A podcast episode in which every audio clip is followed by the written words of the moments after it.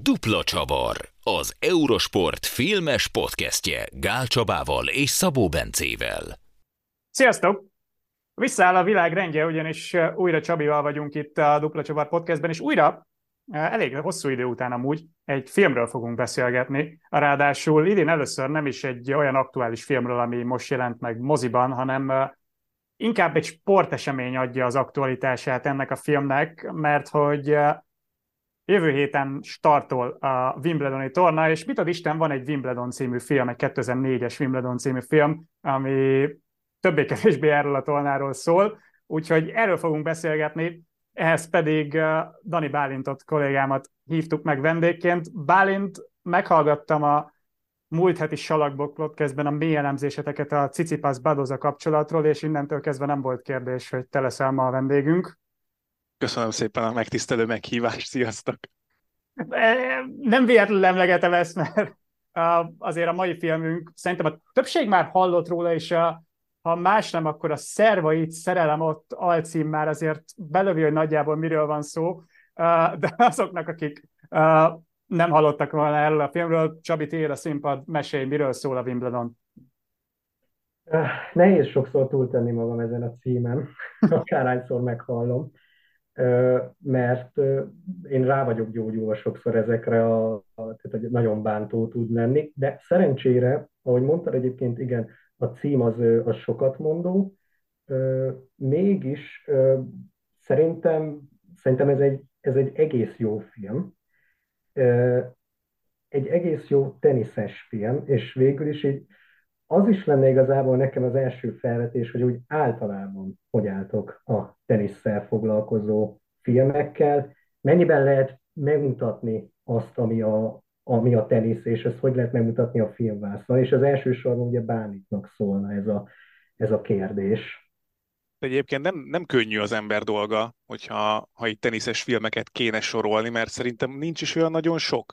De ennek pont az az oka szerintem, hogy egyrészt ez egy nagyon magányos sport gyakorlatilag, nehéz megmutatni ezt képernyőn, maga a játék az viszonylag statikus olyan értelemben, hogy két ember van a pályán, ütögetnek, de hogy olyan nagyon nagy dráma hatások, meg nagy mozdulatok, tehát komoly képre vinni nagyon nehéz a teniszt, vagy nem tudom bemutatni azt, hogy ez most mitől izgalmas, mert a nagy része az fejben dől el, ugye ezt szoktuk mondani, és egyébként ebben a Wimbledon szerintem egész jó, mert vannak ilyen belső monológok a, a filmben, több is, ami, ami azért megmutatja azt, hogy vajon mire gondolhat adott esetben egy játékos.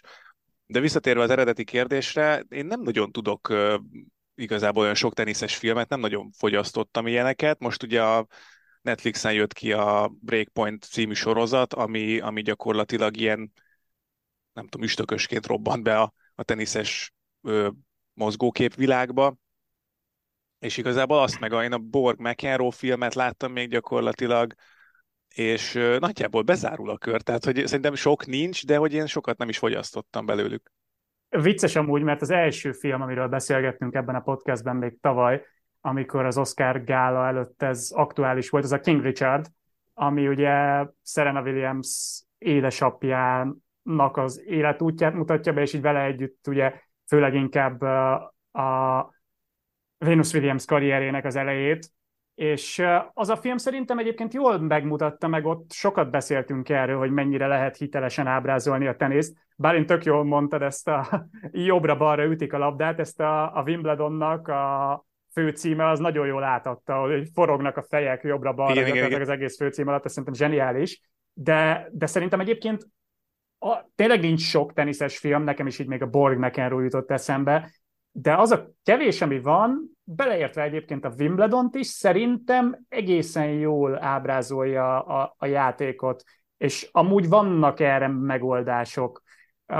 Meg, meg kell egy extra erőfeszítés szerintem a színészek részéről is, hogy ez működjön, de ezt azt hiszem kiemeltük annó a King Richardnál is, hogy ott a, a fiatal lányok, akik a Venus, vannak, tehát akik a Williams testvéreket alakították, ők ebben nagyon szépen beletették a munkát, és én itt is azt éreztem, hogy, hogy, hogy ebben azért volt meló, hogy ez működjön, és, és nekem úgy egészen működött.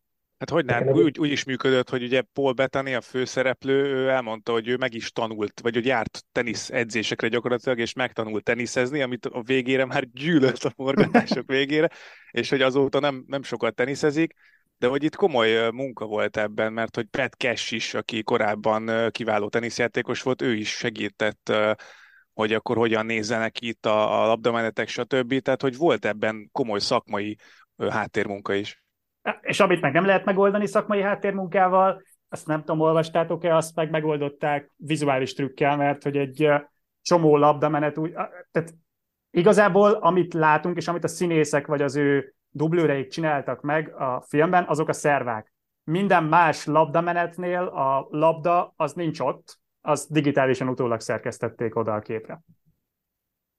Ami egy érdekes megoldás, és nem mondom, hogy a film nézése közben nem tűnt fel néha, hogy ilyen furcsán gyorsítva vannak bizonyos jelenetek, furcsán gyorsan mozog a labda, bár ezt nehéz egy olyan sportban számon kérni, ahol simán ütnek 150 km per órával szervát, de de hogy voltak ilyen furcsaságok, de hogy alapvetően nekem nem ugrott le a képernyőről.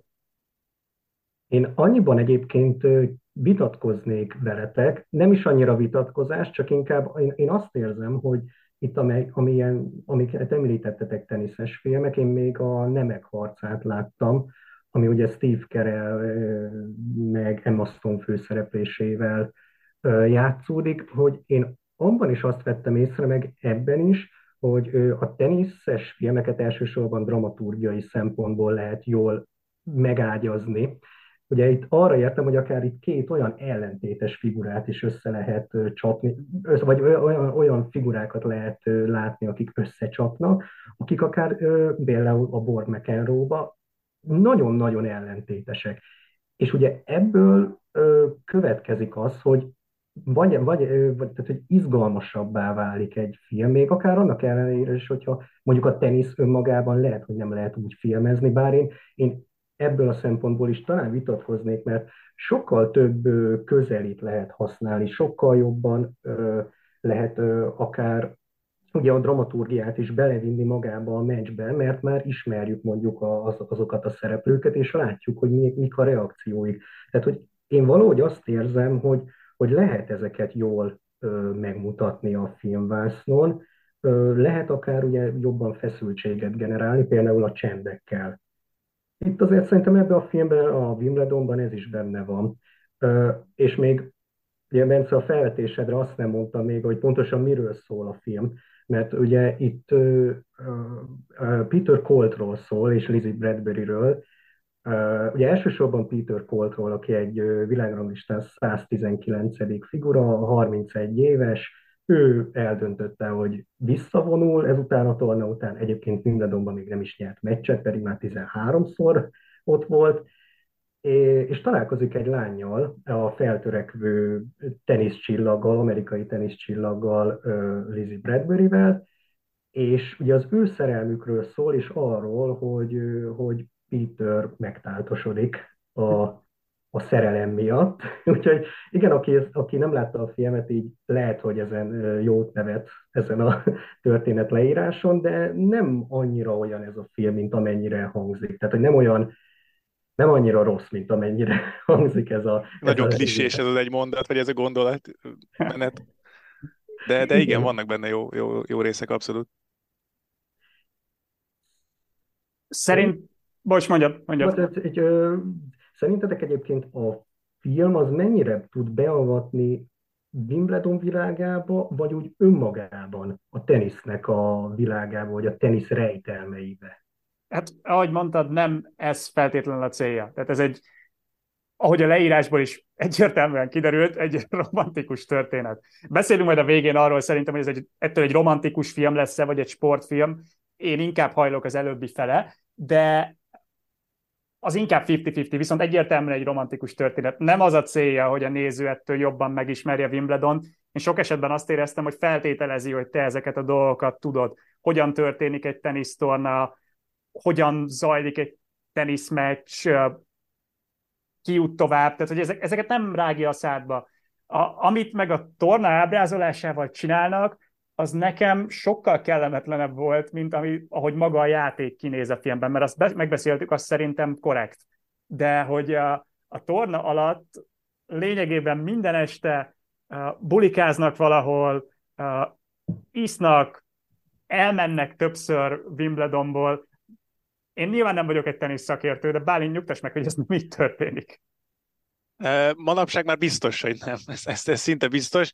Hogy régebben hogy történt, azt, azt nem tudom pontosan én sem megítélni, de, de valószínűleg ez egy picit túl van tolva a filmben, igen. Tehát azért régen is profi sportolók voltak ebben az időszakban is, a 2000-es évek közepén is, de ott azért több lehetett talán a, ott még nem volt ennyire profi a sport, de hogy nem csak teniszben, ugye unblock, hogyha az egész uh-huh. sportot megnézzük, akkor, akkor nem volt ennyi, nem tudom, masszőr, fizió, stb. Tehát lehet, hogy ott, ott máshogy lazítottak a játékosok.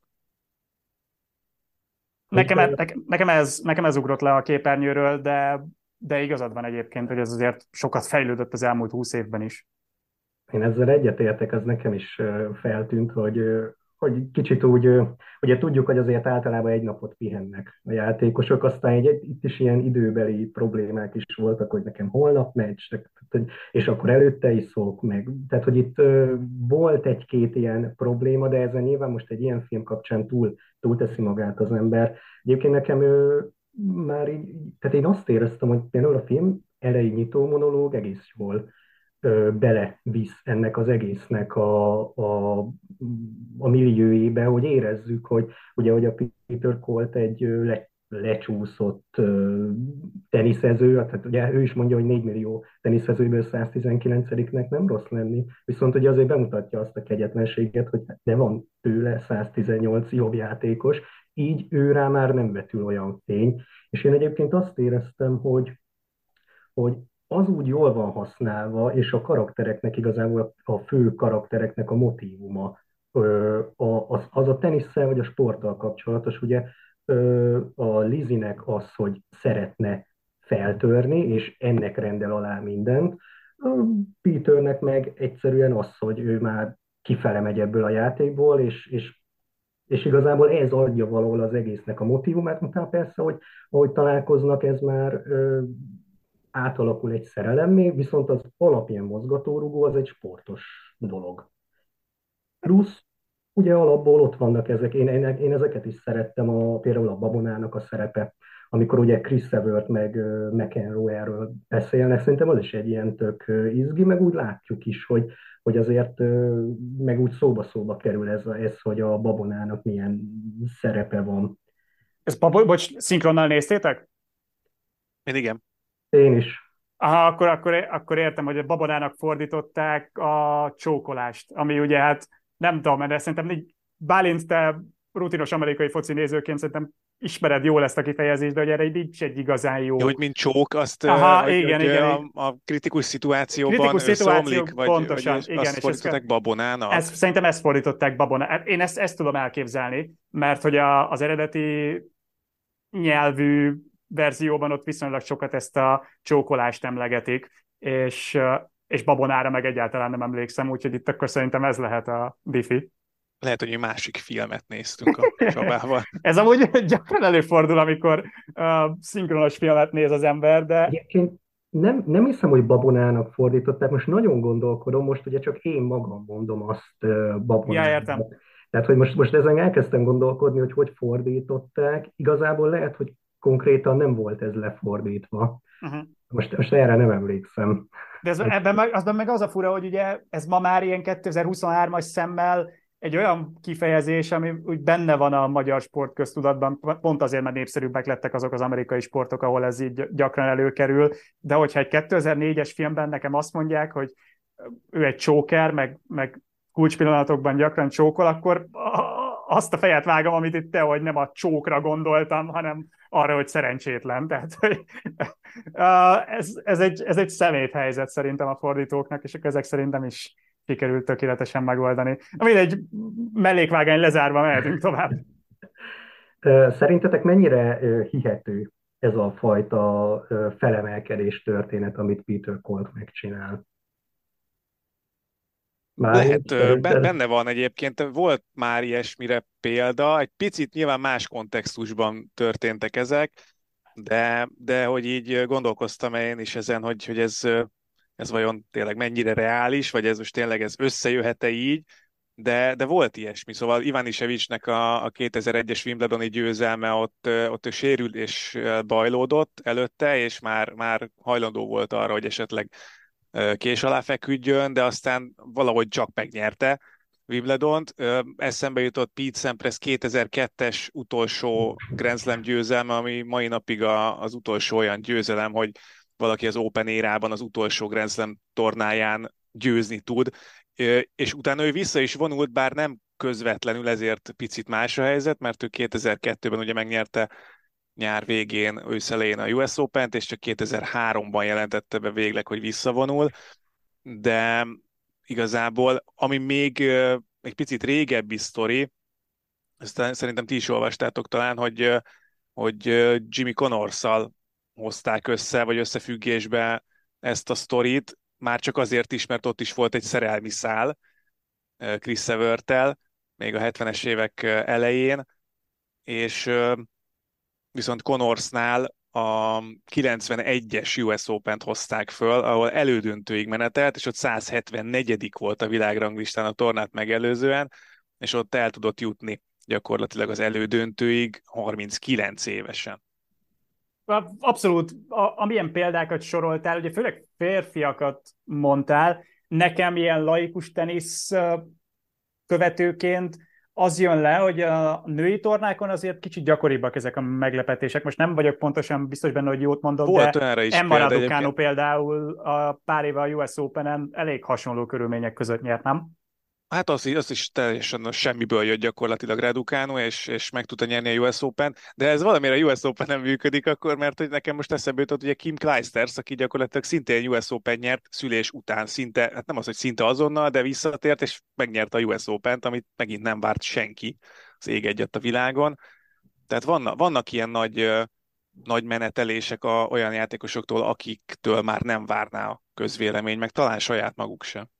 Ami itt szerintem extra, hogy ugye Peter Colt a filmben britként nyeri meg a Wimbledont, ami amikor ez a film készült, ugye, ez talán van is ráutalás a filmben, hogy a, az Open érában ők akkor még nem nyerték meg, nem a britek egyszer sem nyerték meg a hazai Grand Slam-üket. És uh, nekem ez egyébként adott extrát a filmhez. Elfogad, elfogadom, hogy ez az én kattanásom, újabb mellékvágány. Annak idején olvastam egy ilyen elég középszerű kerékpáros könyvet, ami ilyen félig meddig krimi a Tour de France alatt játszódik, de hogy ilyen sidetrackként ott van benne, hogy egy francia versenyző nyeri meg a Tour de France, amire 30 éve nem volt példa. És az elég középszerű könyv végén is így rendesen beleborzongtam ebbe a gondolatba. Nekem ez így, így, így hozzátesz. Nyilván tudom, hogy azóta ugye a britek is nyertek Wimbledon-t Murray révén, de hogy ez szerintem így, így jól lábrázolta a film, és ez nekem adott egy, egy extra érzelmi töltetet a végén az elég klisés befejezéshez. Igen, egyébként nekem is, nekem is Ivan, Ivan Isevics jutott eszembe, meg amúgy szerintem tök, tényleg tök jó példákat mondtál, Bálin, mert Kleisters például nekem teljesen, teljesen kiment a fejemből, pedig tényleg ő is, viszont én annyit jegyeztem meg, hogy, hogy azért például Ivan Ivsevics háromszor előtte döntőzött Wimbledonba. Még ugye McLeisters is nyert előtte. És azért Peter Colt nem volt egy, egy, igen, egy, egy, nem egy nagy tehetség ebből a szempontból, ő nem volt, ugye. Nem hát azt mondták, hogy valami világranglista 11 volt, tehát nem igen, volt egy igen. rossz játékos csak, csak már lefele ment erősen. Igen, Egyébként a, nyerni nem nyert. Ugye nyerni, nyerni, nyerni nem nyert, nem, nem. Ami érdekes szerintem, vagy e- erről mit gondoltak, hogy mennyi? 31 a történetben? Uh-huh. És hogy ugye már így úgy ábrázolják, mint egy teljesen a pályafutása végén járó, ilyen nagyon lefele menő sportoló, és ez egyébként 20 éve nem volt irreális. Ez mai szemmel visszanézve megint csak nagyon más, mint a, mint a bulikázások a torna alatt. Hát egyébként régebben ez sokkal inkább jellemző volt. Tehát a teniszezők a 2000-es években gyakorlatilag vagy, vagy azt megelőzően azért nem tudtak úgy 40 éves korukig játszani, mint mondjuk Roger Federer, vagy, vagy Novák Djokovic most már lassan szintén a 30-as évei vége felé jár, vagy a közepén tart, mint Nadal is, de hogy, hogy ez nem volt jellemző, tehát 31-2-3 évesen azért visszavonultak már az akkori játékosok. Ez szintén a technológiai fejlődés, meg az orvostudomány fejlődésének tudható be talán, hogy, hogy most már azért rendelkezésre állnak olyan szerek, olyan rehabilitációs eszközök, amik, amik segítik a regenerációt, és, és sokkal inkább ki tudják tolni egy adott játékos pályafutását. Nyilván a másik oldalon ott van, hogy sokat gyorsult a játék, tehát nagyobb terhelést kapnak a, a játékosok, de ezt még így is überelni tudja szerintem a, a gyógyszeripar. Sporttudomány, így mondják szépen, nem? Sporttudomány. De hogy de nyilván nem, tehát nem a doping, hanem a megengedett. Tehát azért nagyon mhm. sok uh-huh. fájdalomcsillapítót szednek, különböző krémeket, géleket, mindenfélével próbálják a lehető legtöbbet kisarkalni, vagy kisajtolni a, a saját testükből a játékosok, és ez régen azért nem volt ennyire jellemző. Bedobtak egy banán térfélcsere közbe, és akkor hello. Igen, egyébként már, ha én, én úgy emlékszem, hogy már Federerről is mondták, ugye 27-28 évesen, hogy, hogy annyi lesz neki, és akkor egyébként még Federer jutott eszembe pont amiatt, ugye ez a pozitív élmények hatására nagy eredményt elérni dolog miatt, aki ugye 2009-ben ugye akkor születtek meg az első ikrei. És hogy ugye ott Garoszt is nyert, meg Wimbledont is, és az az év az nagyon jól sikerült neki, pedig már akkor azt mondták, hogy, hogy ő már kiégett és kifelé megy. Tehát, hogy én nekem még ő jutott eszembe az ilyen pozitív élmények miatt. De akár Djokovic is, Djokovicnak is volt, azt hiszem, ő, neki nem tudom mikor szület, született gyereke, de hogy az utáni időszakban ő is extrémen jó volt. Hát Ez ő azóta is extrémen jó. Ez a helyzet. Igen. igen. Lassan ő lesz minden idők legjobbja, ha még nem ő. Úgyhogy igen. De igen, vannak, tehát vannak hasonló példák, ilyen, ilyen példa, hogy valaki nagyon elő volt a világranglistán, aztán visszacsúszott, és egy olyan tornán, amin teljesen sikertelen volt, egyszer csak megnyeri, ilyet konkrétan nem tudok beemelni. Ilyen minták vannak, amik itt-ott hasonlítanak, és, és igazából ennyi. És szerintetek milyen, mennyire hihető az, hogy ilyen szinten nincsen edzője valakinek? Mennyire volt ez jellemző a 2000-es évek elején? Hát szerintem ott nem volt ilyesmi, tehát azért ez tényleg furcsa, hogy, hogy nem volt edzője tényleg, és most már ugye pont nekem Nick Kyrgios jutott eszembe, aki, aki a mai teniszezők közül híres arról, hogy talán még valamelyik Wimbledoni meccsén mondta tavaly, ha jól emlékszem, hogy de most nem mernék megesküdni, hogy Wimbledonban volt, de, de hogy ott eljutott a döntőig.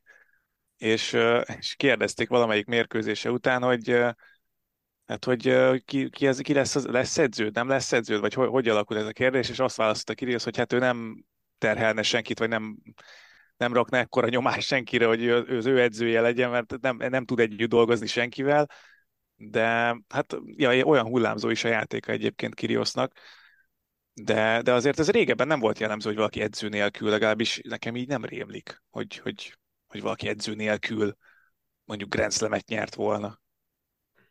Szóval nyilván én a teniszhez értek kevéssé, tehát itt eh, hagyatkozom arra, amit Bálint mond, és hiszek neki. A saját sport példámból, ugye kerékpárt követek főleg, ott azért látok ilyet, hogy, hogy viszonylag jó, sőt azt mondanám, hogy nagyon jó elit versenyzőknél is előfordul, hogy, hogy nincs edzőjük. Mondjuk női példát tudok mondani, ami azért nincs még professzionalizmusban azon a szinten, mint a, akár a férfi kerékpársport, vagy akár a mai férfi tenisz, de ott, ott például a világ egyik legjobb versenyzője, Lotte Kopecky simán fél éve egyedül edz. Tehát, hogy, hogy szélsőséges, fura, de nem elképzelhetetlen. Én, én így voltam hát vele. Ütőpartnere ugye volt, az a filmben is szerepelt, de hogy, de hogy itt az edző a kérdés, aki, aki mondjuk koordinálja az egészet, vagy ilyesmi. Igen, igen, igen, de hogy tehát, hogy fura, mert ahogy megláttam a kérdést az a kis adásmenetünkben, úgy én is elgondolok, hogy ú, basszus, tényleg nem volt edzője. De hogy így a film közben nézve meg úgy nekem nem ugrott le, hogy valami hiányzik. Itt, itt szerintem egyébként ilyen dramaturgiai ö, dolog lehet a háttérben, mert én pont gondolkodtam ezen, hogy, hogy hogyan lehetett volna ebbe a filmbe beletenni egy edzőfigurát, ráadásul egy olyan edzőfigurát, akik nyilván most kiemeltek volna, hogy ő, ő egy ilyen James figura, tehát hogy én, én itt éreztem, hogy szerintem nem akarták ezzel pluszban terhelni igazából a filmet, és úgy meg elrejteni, mint ahogy az ügynököt elrejtették a filmben, aki tényleg egy ilyen, egy ilyen comic relief karakter lett, arra meg, arra meg ott volt az ügynök, így az edzőt meg nem tették bele, úgyhogy szerint én, én, én ezt a magyarázatot találtam rá, hogy, hogy ennek tényleg ilyen forgatókönyvírói, vagy ilyen filmbeli ö, dolog miatt nem tették bele, mert egyszerűen elvitte volna a fókuszt a szerelmi száról. Szerintem is, szerintem is. Még én azt mondanám, hogy egyébként nagyon jó kasztja van ennek a filmnek, nagyon jó stábja, szereplőgárdája, de hogy még így is azt mondanám, hogy sok volt a karakter. Én például minden egyes alkalommal, amikor James McAvoy, aki ugye az öccsét játsza a főszereplőnek feltűnt a képernyőn, akkor így visítani tudtam volna, hogy nem érdekel, nem érdekel, menjünk tovább. Szóval nem, nem fért bele ebbe a, ebbe a koncepcióba még egy edző is, ezzel egyetértek. Igen, egyébként én még, én még elviseltem hogy ezeket a comic relief karaktereket. Engem annyira nem idegesít, mint téged, Szerint, szerintetek egyébként a, a Lizzie Bradbury, ő milyen figura? Az ő munkamódszere az mennyire, mennyire hihető? A, tehát, hogy még most mondhatnám, hogy a 2000-es évek elejéről úgy általában, hogy mennyire hihető az, hogy egy teniszező ennyire kizárja az érzelmeket az életéből. Mindjárt hagyom Bálintot okosat mondani, de nekem így laikusként ez minden második női teniszező valaha, nem? Most nagyon előítéletes vagy. Most kéne ezek után okosat mondanom? hát figyelj, nem tudom amúgy, ez, ez szerintem nem szűkíthető le egy-egy emberre. Mindenkinek az, ami működik, ami, ami neki kényelmes. Tehát, hogyha valaki úgy érzi magát komfortosan, hogy ő, ő a saját világában van, saját magával, és nem nem akar szerelmi szállat az életébe, mert az, az mondjuk kizökkenti. Lehet, hogy van ilyen. Most hirtelen nem tudok neked mondani ilyest, mert nem tudom a szerelmi életét a teniszezőknek nyilvánvaló. Ej, csalódtam. Hát sorry, sorry, not sorry, de hogy, hogy igen, valakinél viszont az ellenkezőjére ott van példa. Tehát például pont Nick Kyrgios esete az teljesen jól bemutatja, hogy neki egy nagyon nehéz időszak után, talán tavaly jöttek össze Kostinnal, és hogy az új barátnője, amióta együtt vannak, Kiriosznak sokkal kiegyensúlyozottabb a, a viselkedése is talán, meg a, a motivációja is sokkal inkább az egekben van. Tehát olyan, olyanra több példát látunk, hogy valakiből jó dolgokat hoz ki a szerelem, olyat nem, nem nagyon, olyanra nem tudunk nyilván, valószínűleg nem véletlenül, mert elzárkózik ettől az egésztől, hogy az ő magánéletébe betekintést nyerjünk, tehát olyanra ritka, vagy nem láttam még példát én sem, hogy, hogy valaki nagyon behúzta volna a rolót, és akkor bezárkózott volna. Igen, egyébként szerintem így a, a, a családi háttér az, az, az elég fontos lehet. Én, én így most egy lai, laikusként, ugye nem profi sportolóként, de azt érzem, meg azt látom, hogy az utóbbi években egész sok teniszező is hivatkozik erre, hogy azért azért fontos, hogy rendben legyen a, a családi háttér, és egyébként a filmben is benne van ez. Ugye pont a Peter Colt beszél is erről az egyik monológiában, hogy a rendezett családi háttér és az éjség a sikerre. Ez a, ezek nagyon fontosak, és akkor látjuk, hogy, hogy neki mennyire nem rendezett a családi háttere, de nyilván egy ilyen romantikus filmben nem rendezett a családi háttere, egy tök jó helyen laknak a szülei, az apuka csak éppen elköltözik a faházba, tehát hogy nem kell itt ilyen nagy, arra gondolni esetleg, aki ugye nem látta a filmet, hogy, hogy itt valami óriási dráma történik a filmben, tehát hogy nem, tehát ez egy ilyen, hogy mondjam, szép emberek ö, nek az ilyen kisebb ügyes-bajos, meg gazdag embereknek az ügyes-bajos problémáit nézzük végig, de szerintem szórakoztatóan. Legalábbis én, Szerint. Szerintem egyébként uh, itt nem is, uh, itt a probléma azzal van a családi háttérnél, hogy uh, ugye ezek a játékosok az év 365 napjából mondjuk, nem tudom, 300-at biztos, hogy utaznak, vagy, vagy nincsenek otthon. És, és így meg aztán tényleg pláne nagyon fontos lenne, hogy, hogy tudják, hogy otthon minden rendben van. De hát itt ugye, aki látta a filmet, az, az tisztában volt vele, hogy a, a két szülő az gyakorlatilag marja egymást folyamatosan, és, és nem, nem működik annyira az a házasság jól, és ez nyilván a, már egy felnőtt embernek is, vagy felnőtt gyereknek is nehézségeket okoz, vagy, vagy esetleg agyalhat rajta, hogy mi, mi mehet otthon. Tehát ez pont az a nyugodt családi háttér az azért szükségeltetik egy ilyen profi sportolónál, aki nincs otthon, de mégis azért az fontos, hogy rendben legyen mindenki otthon. Egyébként jól mondtad, szerintem Csaba, jól látottad a filmnek a hangulatát, azt, hogy itt ilyen elképesztő drámák nincsenek, tehát nem, nem egy klasszikus sportfilmes tematikát látunk. Vannak ilyen kisebb mélypontok, de igazából minden mélypont a két főszereplőnek a, a szerelmi életéhez köthető, és mindenre a megoldás is a két főszereplő szerelmi élete. Tehát amikor Peter rosszul játszik, akkor Lizzie megjelenik a lelátón, és egy csapásra jó lesz minden.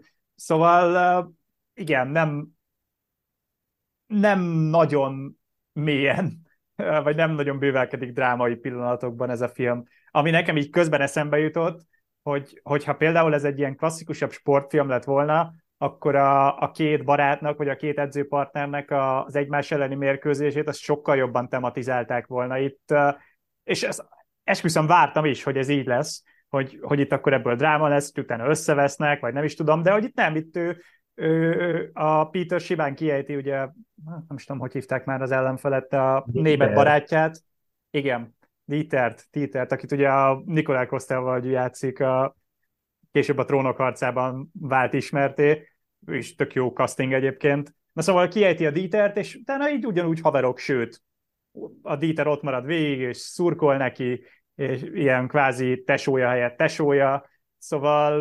Uh, az nem volt kidolgozva, igen, az a, az a szál. Nem, Meg nem, hát mint nem, a másfél perc alatt lezajlik ez az egész, tehát tényleg igen, az, igen, igen, igen, igen, Én is hiányoltam ezt egy kicsit, hogy jobban kidolgozzák. Igen, szóval az, ott éreztem azt, hogy oké, okay, akkor tehát nem tudom, ez a 35 40 perc, tehát hogy itt akkor itt döntöttem el, hogy magamban végleg, hogy hogyan kezelem ezt a filmet. Ez egy igen, kicsit egyszerű, kicsit ilyen párgyú, romantikus limonádé, de egyébként kap egy sporthátteret, és azt a sporthátteret én azt mondanám, hogy relatíve tisztességesen kidolgozza, tehát hogy, hogy nem érzem azt, hogy, hogy egy ilyen halál egyszerű romantikus komédiát néztem volna, vagy romantikus drámát néztem volna uh, végig. És, és sportrajongóként én átlettem volna verve a Wimbledon címmel. Igen, egyébként pont e, ez, ez a kérdés bennem is felmerült, és nagyon foglalkoztatott, hogy azért egy sportfilm az, az alapvetően drámai szituációkra épül zömmel. Tehát, hogy, és ebből a filmből ezek, ezek igazából hiányoznak, és a hangvétele is tényleg ilyen kis limonádé. És hogy amúgy pont, pont bennem is ez merült, hogy lehet-e így jó sportfilmet készíteni, és ahogy Bence mondta, szerintem nekem a válasz igen. És egyébként nem gondoltam volna, hogy, hogy így előzetesen, mert én ezt a filmet most láttam először, hogy, hogy lehet ilyet csinálni. Én egyébként régen azt hiszem, valamennyit láttam ebből a filmből, és az a vicc, hogy pont az a nagyjából másfél perc rémlik, amikor a, amikor a barátjával sorsolják össze, és arra már nem emlékeztem, hogy hogyan alakul a, a meccs ketté között, de arra igen, hogy ez egy ilyen felvázolt konfliktus, amivel aztán végül ezek szerint nem kezdtek semmit, de hogy nekem ez a másfél perc volt meg a filmből, és, és ez alapján egy picit másra számítottam, de, de mondom még egyszer, tehát szerintem ne kezeljük sportfilmként, kezeljük egy sporthátterű romantikus filmként, és akkor nem okoz ez szerintem csalódást, mert, mert teljesen tisztességesen megcsinálja a sporthátteret is. Igen, ez inkább egy romantikus film sport elemekkel kitömve, és vagy, vagy úgy feltudningolva, vagy a, nem tudom, a, a díszlet az egy sportfilm, de közben teljesen egyértelmű, hogy ez egy romantikus vígjáték gyakorlatilag. Mm. Igen, és, és szerintem önmagában valahogy ezt a filmet ez a, ez a humor adja el, meg a Peternek ez az ilyen reflexiója állandóan magára, és hogy igazából kineveti állandóan magát, és szerintem ez valahogy működik a filmben. Tehát, hogy ez adja a sava borsát, meg meg valahogy az, hogy például belegondolunk, a, a szerelmi történet persze bárgyú néha, viszont önmagában a, az a találkozás, meg ahogy kialakul ez a kapcsolat, nekem az egy ilyen hihetőnek tűnik. Tehát, hogy Ebben most, ebben most én most belekötnék. Igen, én is. Én Bocsánat, szóval, is. Ez... szóval olyat én nem láttam még, vagy nem hallottam még, hogy valaki bemegy egy hotel szobába, benéz a fürdőszobába, ott áll a csaj mesztelenül a, a fürdőben, és utána szerelmesek lesznek. De hogy de semmi, semmi kidolgozottság, semmi, egyszer csak szerelmesek lesznek az egyik snit után, a másik után, és én így ültem, hogy oké, okay, de hogy? Vagy mi történt? Vagy, tehát, hogy két ember egymásra néz, és utána, tehát ez nagyon ritka, és nem tudom, nekem ez nagyon furcsán összecsapott volt ez a, ez a kapocs. Hát nekem is, nekem is, ez, ez ilyen, megint ilyen tipikus romantikus filmes sztori, hogy besétálsz a szobába, és ott megtalálod a, besétálsz a rossz szobába, és ott megtalálod a szerelmet, szóval itt inkább, inkább Bálintal értek egyet ebből a szempontból. Legyen, legyen egy rondi, vagy, vagy egy közös edzés, vagy bármi, érted? Tehát, ja, igen, igen, igen, igen. A közös edzés van, de az, az is... Van, van, igen, az van, valóban. valóban. És, de, de utána én, már a közös vacsi jön. Én is inkább arra értettem, hogy szerintem, vagy én, én legalábbis nem úgy vettem fel, hogy azonnal szerelmesek lesznek, hanem hogy valahogy megkedvelik egymást, és utána úgy indul el az az egész dolog, hogy ők csak így találkoznak. Tehát, hogy nem akarnak ők egymástól egy, úgy tűnik semmit. Abban egyetértek egyébként veletek, hogy, hogy a csók hamar elcsattan, tényleg nagyon hamar egymásba habarodnak, vagy egymásra hangolódnak. Én inkább csak erre, erre önmagában arra értettem, hogy, hogy én úgy éreztem, hogy nem annak indul egy óriási szerelemnek, mint ami lesz a vége, hanem hogy, hogy egyelőre csak úgy találkoznak, mert hogy igazából úgy jó hatással vannak egymásra. Én, én csak erre értettem. A többivel egyetértek egyébként veletek persze. Világos. Világos, értelek. Szerintem, hogyha végére értünk uh, annak, amiről beszélni szerettél volna, Csabi, akkor uh, megkérdezlek téged, Bálint, hogy uh, így reflektálva kicsit a film történetet, vagy kivetítve a film történetét a napokon belül kezdődő idei tornára, mit gondolsz? Ki lehet?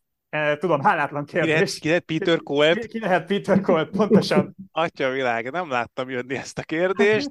Azért sem, mert hogy Novák Gyokovics most így nem tudom, 30 méterrel mindenki fölött helyezkedik el az esélyeseket tekintve. Igazából így akartam, fülön... igazából így akartam megkérdezni, hogy a valóságban az lesz, hogy ugye van egy uh, Ivan Dragomir nevű fickó a filmben is, aki Garosz bajnokként érkezik a tornára, és ugye azt hiszem talán horvát, nem szerb, de hogy vele játszik a Colt a második körben, de hogy itt akkor a valóság az lesz, hogy jön Ivan Dragomir és lesöpör mindenkit? Hát nagyon nehéz Djokovic ellen fogadni füvön, meg, meg ellene beszélni, de ez pont az a borítás, ahol, ahol tényleg bármikor egy nagy adogató, aki jó lehet, apropó nagy adogató, ezt még hadd mondjam el, mert ha már sportfilmről, vagy nem tudom, próbáljuk ezt sportfilmként is elemezni, akkor azért itt voltak elég komoly csúsztatások, tehát hogy a szerváknál, ha már szervák nagyon so, a, volt a, tehát a döntőben volt, azt hiszem, igen, a döntőben volt olyan, hogy érzékeltetni akarták a nézőkkel, hogy, hogy itt most óriási adogatások jönnek, és, és borzasztóan jól szervál az ellenfél, és ezt a sebességgel akarták alátámasztani. Na most 144 mérföld per órás szervákat szórt egymás után a brit teniszező, úriember, amit gyakorlatilag abban az időben elképzelhetetlen volt olyan ütőkkel és labdákkal, mert az 231 km per óra, és az, az, az nem lehetett megütni a akkoriban, tehát nem ütöttek akkor a szervát, lehetetlen volt gyakorlatilag. És azon én, én mosolyogtam, nyilván ez a, a hétköznapi nézőknek nem tűnik föl, meg nem, nem rontja el a filmet, én csak mosolyogtam, hogy de jó erőben van. Szóval igen, a, a, a idei Wimbledon, hát Djokovic nagyon esélyes, de hogy bárki meglepheti, hanem Djokovicról lenne szó. Tehát Djokovic ellen nehéz, nehéz azért fogadni. Alcaraz szerinted füvön most meg Carlos Alcaraz ugye most tornát nyert Queensben, életében harmadszor játszott füves pályán tornát, és abból az egyik az pont egy egyfordulót ment a Wimbledoni tornán, és alig van meccs a lábában füvön, de már tornát nyert, és olyan tempóban halad ezen a borításon is, hogy hogy akár már esélyesnek is ki lehet kiáltani, de azért, azért nagyon nehéz három nyert menő mérkőzéseket még füvön is megnyerni, ahol ugye azért gyorsabb a játék, de de ott lehetnek a legnagyobb meglepetések is szerintem továbbra is, ezt, ezt nagyon fontosnak tartom, és ö, odaérhet Alcaraz nyilvánvalóan, tehát a világ egyik legjobb játékosa már most 20 évesen is. A rutin az nem tudom, hogy mennyire fog hiányozni majd esetleg a végjátékokban a torna második hetében, ha esetleg eljut addig Alcaraz, amire azért jó esélye van. És ha már selejtezőből jövő versenyzők, itt uh, kicsit hálátlan a dolog, mert mi szerda délután beszélgetünk, és ti ezt később fogjátok hallani, tehát lehet, hogy ti már többet tudtok, mint mi, de most azért uh, egész sok magyar, selejtezőből induló magyar versenyző is közel van ahhoz, hogy főtáblára kerüljön, köztük az a Marozsán Fábián, akiről talán az utóbbi hetekben, hónapokban a, a legtöbbet hallottunk. Ő is ugye nagyon rutintalan fivön, neki konkrétan az első tornája, ha nem tévedek. Tőle, hogyha esetleg főtáblára jut, akkor mit várhatunk? Ez egy nagyon érdekes kérdés, mert hogy Fábinak konkrétan, ha már Salakblog podcastet megemlítetted, akkor beszélgettünk ugye ott vele a római menetelése után, és, és mondta, hogy hát neki nincsen füves pályás cipője, mert ugye más cipő kell arra a borításra, és egy konkrétan nem, nem tudom, hogy honnan szerzett cipőt, de már két meccset megnyert, és életében az első két füves pályás meccsét megnyert, és egy győzelemre kerül, a, vagy került a, a főtáblától, de Piros Zsombi is ott van, akinek nagyon jó eredményei voltak, Salakon, Challenger tornákat nyert, úgyhogy a fiúknál mindenképpen. A lányoknál majd meglátjuk, hogy oda tudnak-e érni többen is, vagy hogy, hogy hogy alakul, de hát nem tudom, hogy Fábitól mit lehet várni, nagyon szurkolunk a magyaroknak, az biztos. Az biztos, aki pedig hangolódna a Wimbledonra, annak alapvetően jó szívvel tudjuk szerintem ajánlani ezt a filmet. Tényleg azzal a koncepcióval üljetek le, hogy nem feltétlenül egy sportfilmet fogtok látni, hanem egy ilyen romantikus komédiát, szerintem jól megvalósított, viszonylag jól megvalósított sportelemekkel. Uh, úgyhogy szerintem ezzel érdemes búcsúznunk. Ha, hangolódnátok, nézzétek meg a Wimbledont, és mindenképpen nézzétek meg a Wimbledont, a tornát az Eurosport 2-n, illetve az Eurosport alkalmazásban és a honlapon keresztül minden fontos mérkőzést élőben lehet majd követni. Hallgassátok a többi Eurosportos podcastetek, podcastet, hallgassatok Salakbok podcastet, mert hogy mély elemzések vannak teniszezők szerelmi életéről, és egyébként egészen korrekt szakmai elemzések is vannak. Köszönöm szépen, Kicsit fontosabb dolgokról. Szóval uh, hallgassatok Salakbok podcastet, hallgassatok más Eurosportos podcasteket, és uh, hallgassátok meg majd a következő duplasavart is. Jövünk majd vélhetően a szokott ütemtervben két hét múlva. Találkozunk akkor is. Sziasztok!